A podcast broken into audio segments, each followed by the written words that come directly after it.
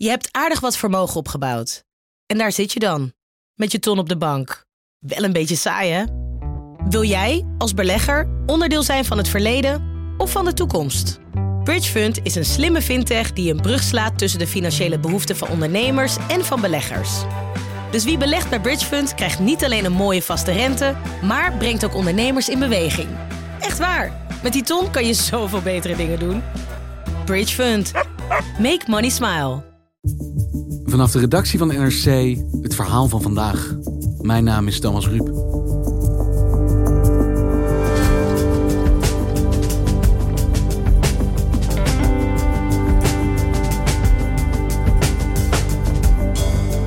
Al wekenlang gaan jongeren in Nigeria de straat op. Wat begon als verzet tegen politiegeweld is uitgemond in een historisch protest tegen wat er in hun ogen mis is met het land. Amerikaanse supersterren als Beyoncé en Kanye West spraken hun steun al uit. Afrika-redacteur Maran Noshat Sharifi ziet een generatie Nigeriaanse jongeren die niet langer bang is voor hun regering, maar een regering die bang is voor hen.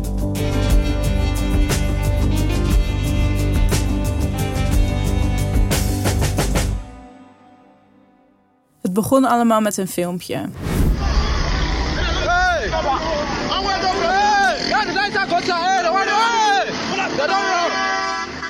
Een SARS-agent in Nigeria, dat is een politieeenheid, die schiet een man neer, stapt in een auto en rijdt weg. En dat filmpje uh, circuleert op het internet. Mensen gaan dat naar elkaar sturen. Dit filmpje stuitert over de social media van Nigeria. Ja, gaat viral, absoluut. En inmiddels is de hashtag EndSARS 28 miljoen keer getweet. Dus dan zie je echt hoe hard dat um, rond is gegaan. En op een gegeven moment leidt dat tot een grote protestreeks in verschillende steden door heel het land.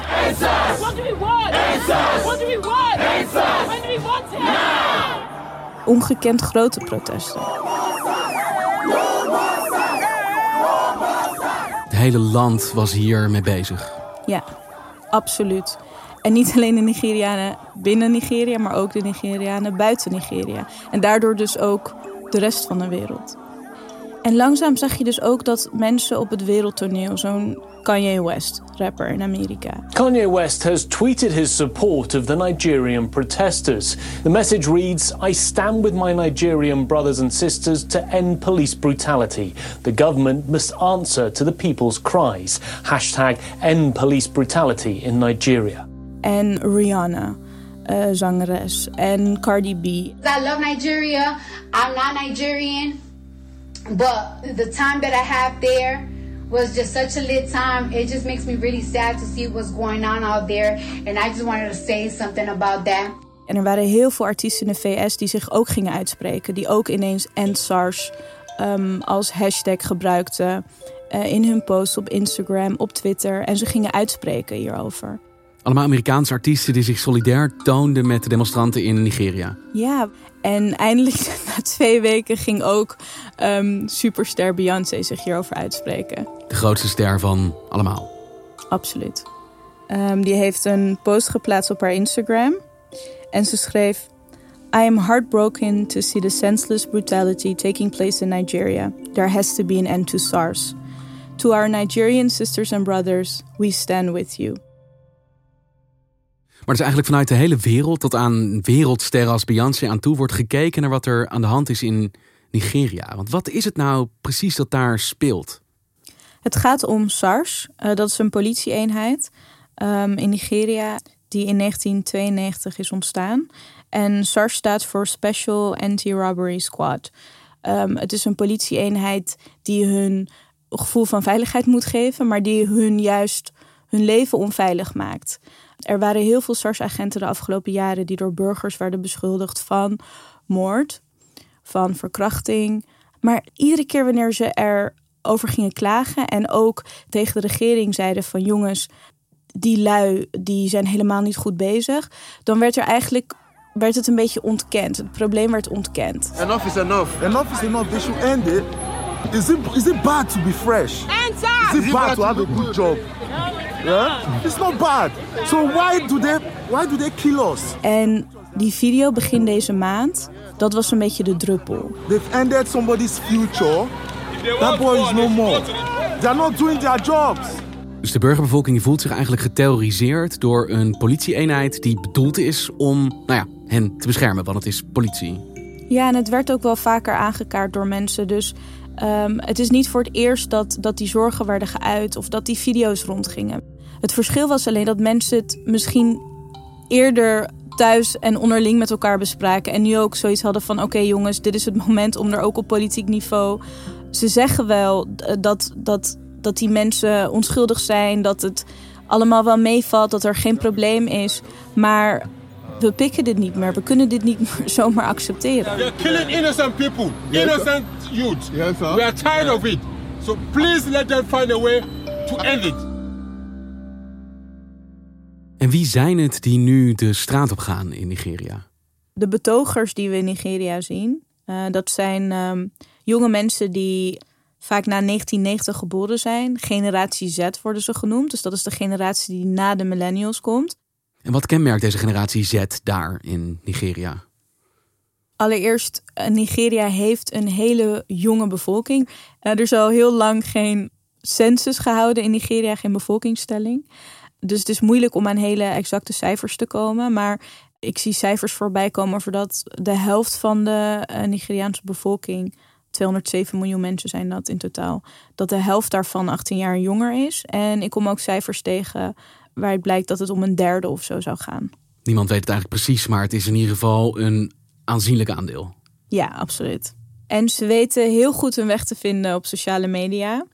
Anders dan de generatie voor hun, uh, de millennials, um, gebruiken ze sociale media niet alleen om hun eigen leven te laten zien, maar ook om maatschappelijke impact te hebben. Echt als politiek instrument. Precies. Um, anders dan hun ouders zijn ze niet bang voor mannen in uniform, want ze hebben nooit onder een militair regime geleefd, uh, waardoor ze minder angstig zijn. En ze hebben ja, meer dan eerdere generaties het idee dat het hun verantwoordelijkheid is om niet alleen soort van te klagen over wat er misgaat in het land, maar ook um, voor verandering te zorgen. De afgelopen weken gingen mensen in Nigeria de straat op, maar ook in de rest van de wereld. Er waren demonstraties in Toronto, in New York, in Pretoria, in Berlijn, Genève en ook in Den Haag, waar ik uh, afgelopen week ging kijken.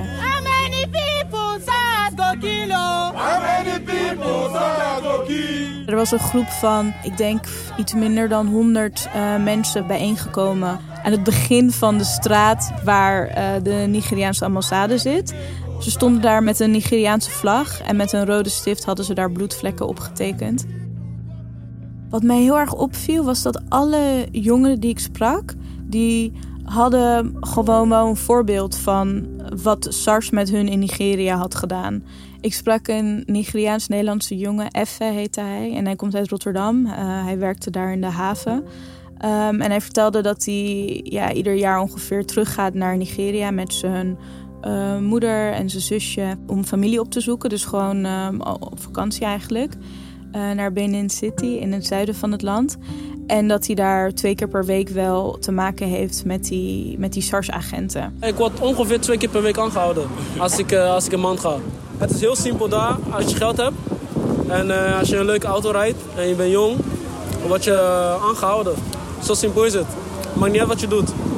Ze staan meestal op, op checkpoints. We hebben allerlei checkpoints, weet je. Eind van de straat staan ze daar. En dan als je er langs word je aangehouden. Ja, je wordt bedreigd. En uh, als je geen losgeld bij je hebt, nemen ze je mee naar de pinautomaat. En moet je pinnen. En dan de geld geven. En als je dat niet hebt, uh, waarschijnlijk word je gedood. En wat die jongen vertelde was... Uh, toen ze hem aanhielden, zei hij van, nou ja, ik kom uit Nederland. En dat ze toen al wat vriendelijker waren van, oh, oké, okay, uh, nou, misschien kan je ons toch nog wat geld geven. Ze gaan je voleren. En meestal kijken ze dan naar je telefoon. En ze zag dat mijn telefoon op, op Nederland staat. Dan denken ze van, oh, hij is uit Europa, dan moeten we mee uitkijken. En dan laten ze je heel gauw met rust. Dan vragen ze wel van, hey, heb je een beetje geld voor me? Ja, dan geef je wat of geef je niks. Hoeveel heb je gegeven? Of heb je niks gegeven? Ja, ik heb wel geld gegeven, maar uitgerekend is dat uh, 5 euro of zo. Dus laat ook gewoon zien um, hoe erg Nigerianen er zelf die daar dus wonen, hoeveel last zij daarvan hebben. Zelfs iemand als Effe, die dus één keer per jaar in Nigeria komt, hij heeft al te maken met dat politiegeweld. Dus moet je nagaan als je daar woont. Precies. Aan de ene kant lijkt dit een protest tegen een probleem dat wel heel specifiek Nigeriaans is, namelijk het politiegeweld daar. Wat is denk je nou de verklaring ervoor dat dat wereldwijd tot zoveel bijval leidt? Het begon als een protest tegen politiegeweld, maar uiteindelijk ging het natuurlijk over veel meer dan dat. Het ging ook om um, de problemen in de zorg, de toenemende armoede, de werkloosheid, problemen in het onderwijs. En ik sprak een vrouw um, uit Nigeria die vertelde dat ze niemand kent die sinds februari een salaris heeft gehad. Weet je wel, het gaat economisch gewoon heel slecht met het land. Want is dit eerder gebeurd dat zoveel mensen de straat op gingen daar? Zulke jonge mensen? Nee, zeker niet. En ik denk ook dat uh, er zijn eerder stakingen geweest en betogingen geweest van bijvoorbeeld leraren, mensen in de zorg. Uh, veel mensen in de publieke sector die klaagden over de periodes waarin ze geen salaris kregen uitbetaald. Dat soort betogingen waren er afgelopen jaren wel. Maar niet dat gewoon iedere dag, twee weken lang, zo'n grote groep jongeren in zoveel verschillende steden uh, samenkomt en de straat op gaat. This is the war. It has never happened before in the history of Nigeria. It has never, never happened. This is the first time that the youths, that all the youths are organized and they all came out for one cause. Dit wordt binnen Nigeria gezien als historisch. Absoluut. Dit is een moment voor verandering. Nu zijn we samen, nu staan we op straat. Nu hebben we de aandacht van de wereld. Die kijkt nu naar ons. Dit is het moment om uh, meer problemen dan het excessieve politiegeweld aan te kaarten. En ook dus misschien wel daarbuiten. Want hoe komt het dat nou ja, wereldsterren als Beyoncé, Kanye West, dat die zich hierover uitspreken? Dat die zich nou juist hierin mengen? Kijk, de afgelopen jaren zijn er natuurlijk veel uh, Afro-Amerikaanse artiesten geweest die zich op Afrika, op het continent, de motherland gingen richten. En een brug wilden slaan. Dus dachten van, nou ja, in alles wat we doen uh, zijn we natuurlijk beïnvloed door onze voorouders die uh, van het continent komen. En we moeten eigenlijk ons podium gebruiken om bijvoorbeeld Afrikaanse artiesten ook mede succesvol te maken. Dus er zijn veel samenwerkingen geweest met uh, Nigeriaanse artiesten en Afro-Amerikaanse artiesten. Waar je die samenwerking bijvoorbeeld terugziet, is het liedje um, Don't Jealous Me van uh, Beyoncé, waarin ze met een aantal um, ja, andere artiesten samenwerkt, waaronder de Nigeriaanse Jamie Alade.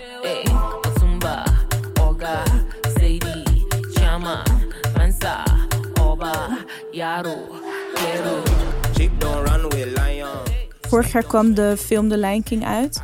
En uh, Beyoncé heeft een soort soundtrack album opgenomen. Ze heeft voor dat album samengewerkt met Jamie Alade, Wizkid, Burna Boy. Um, dus ze was heel erg bezig met um, nou ja, het continent Afrika ook uh, laten zien in haar werk en uh, een, podium geven. Dus artiesten zoals Beyoncé, die hebben de laatste jaren ook ja, een soort artistieke link gelegd met uh, hun Afrikaanse wortels, met Afrikaanse muziek. en nu was ook de vraag om een soort politieke connectie. Precies, ik denk dat veel Nigeriaanse jongens zoiets hadden van...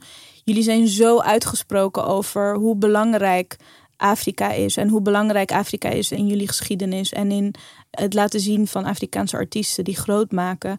En um, waarom gebruiken jullie podium, jullie achterban dan niet... om aandacht te vragen voor wat het, het geweld dat ons hier wordt aangericht? Daar werden ze dus ook op sociale media direct op aangesproken. Mensen waren boos uh, dat bijvoorbeeld Beyoncé na bijna twee weken nog niks had gezegd. Zoals Tiwa Savage, een uh, Nigeriaanse zangeres die ooit met Beyoncé heeft samengewerkt. I'm calling on Beyoncé and her team the same way they use their platform to elevate and to show the world that black is king and how beautiful Afrobeat and Africa and our culture is. I want them to please use their voice and their platform right now because this same country that birthed this genre is on fire right now. So I'm calling on Beyonce and the whole team And I'm telling you, you cannot ignore this. You cannot be quiet. Het idee was laat van je horen met het platform dat jullie hebben. Niet alleen muzikaal, maar ook spreek je steun uit. Absoluut. Wij zijn jullie achterban.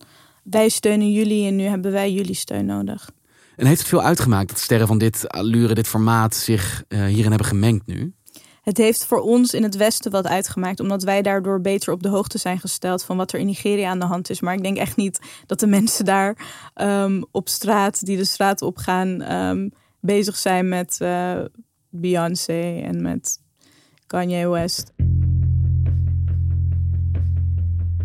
En hoe heeft de overheid in Nigeria gereageerd op deze gigantische protesten die daar nu aan de gang zijn? Ik denk dat de regering ook wel echt geschrokken is van de macht die jongeren hebben en de grote getalen. En het feit dat, dat ze, ondanks dat er best wel. Um, dat ze wisten dat het met gevaar voor eigen leven was om de straat op te gaan, dat ze toch bleven komen in heel veel steden. Ze zijn geschrokken van hoe gevaarlijk het eigenlijk is als je zulke grote ontevreden hebt onder een groep die misschien wel jong is, maar dus ook zo groot. Zo groot en zo invloedrijk. En um, in enkele dagen tijd uh, demonstraties kan organiseren in heel het land. Drugs met de neus op de feiten dat dit gewoon simpelweg een heel machtige bevolkingsgroep is in Nigeria.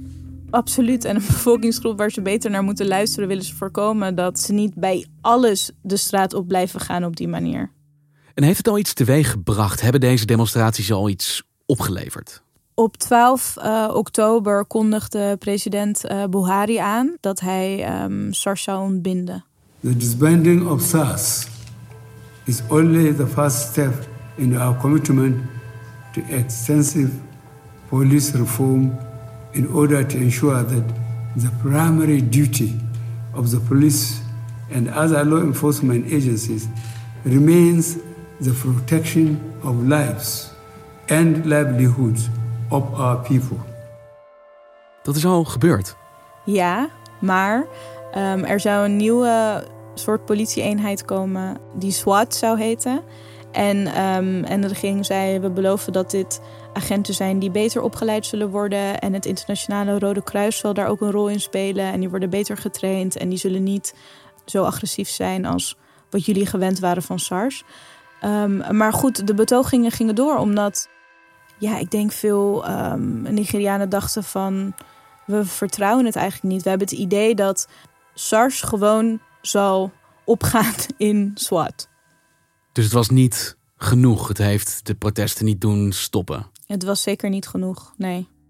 SARS is dan wel ontbonden, maar het probleem is nog steeds niet opgelost. En veel mensen denken dat de kern van het probleem is dat de salarissen zo laag zijn in de publieke sector. Dat de angst bestaat dat het corruptie in de hand zal blijven werken. En dat het mensen die voor de overheid werken er ook op een bepaalde manier toe ja, dwingt om corrupt te zijn. Omdat ze anders gewoon te weinig inkomsten hebben. En zolang dat niet wordt aangepakt, zolang daar niet iets aan wordt gedaan, um, zal de kern van het probleem niet worden opgelost. Dus het opheffen van die eenheid heeft niet geleid tot, ik vermoed, de rust waar de regering op hoopte.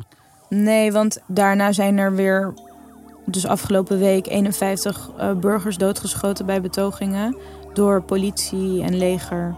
En de president heeft dat dus niet expliciet veroordeeld. Dus de woede neemt alleen maar weer toe.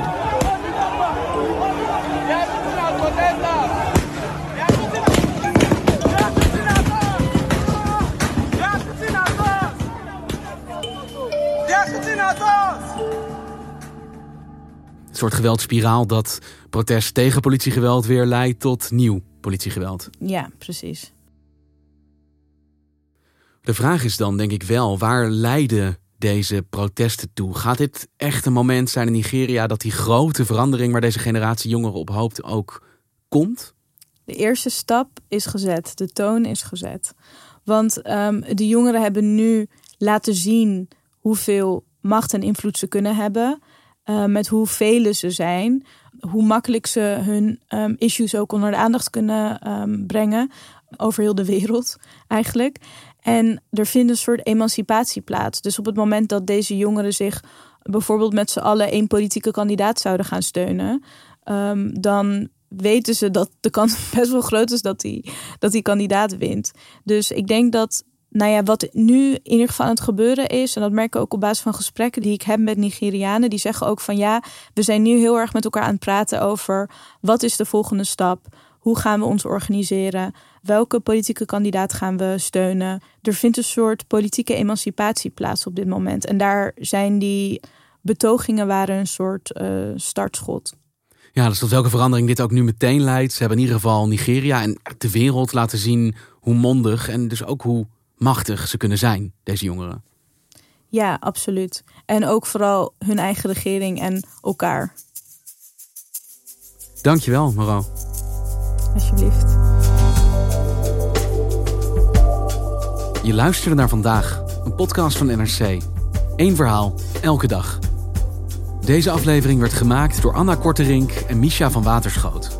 Chef van de audioredactie is Anne Moraal. Dit was vandaag, morgen weer.